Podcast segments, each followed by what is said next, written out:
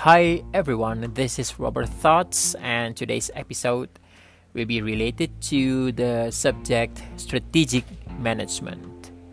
Kita sudah pernah belajar tentang kelima strategi kompetitif generik, low cost provider, broad differentiation, focused low cost, focused differentiation, dan best cost provider strategy.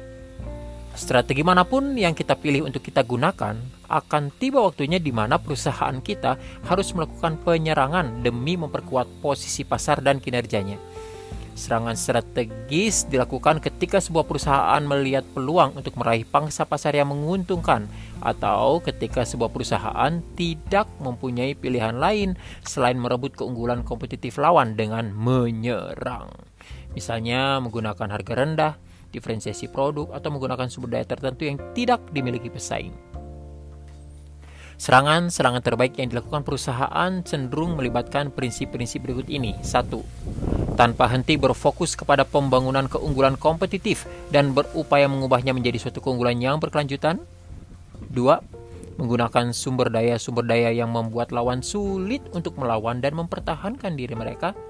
3 menggunakan element of surprise, kejutan, surprise, sehingga pesaing tidak siap. Dan yang keempat, memperlihatkan kapasitas untuk tindakan-tindakan yang cepat dan decisive untuk menguasai lawan. Nah, sekarang apa saja sih pilihan strategi ofensif untuk menyerang pesaing yang bisa kita ambil? Ada tujuh yang bisa saya bagikan. Satu, menawarkan produk yang sama baiknya atau bahkan lebih baik dengan harga yang lebih murah. Dua, melakukan leapfrogging, melompati kompetitor dengan menjadi yang pertama yang memasarkan produk generasi terbaru. Tiga, mengejar inovasi produk yang terus-menerus untuk menarik atau merebut penjualan dan pangsa pasar di terus-menerus berinovasi. Dan yang keempat, mengejar inovasi produk yang disruptif untuk menciptakan pasar baru, bikin sesuatu yang lain sendiri yang berbeda dan merusak tatanan yang ada. Kemudian kelima, mengadopsi dan mengembangkan ide-ide bagus dari perusahaan lain, kayak ambil ide perusahaan lain lalu kemudian kita buat yang lebih baik lagi dikembangkan dari situ.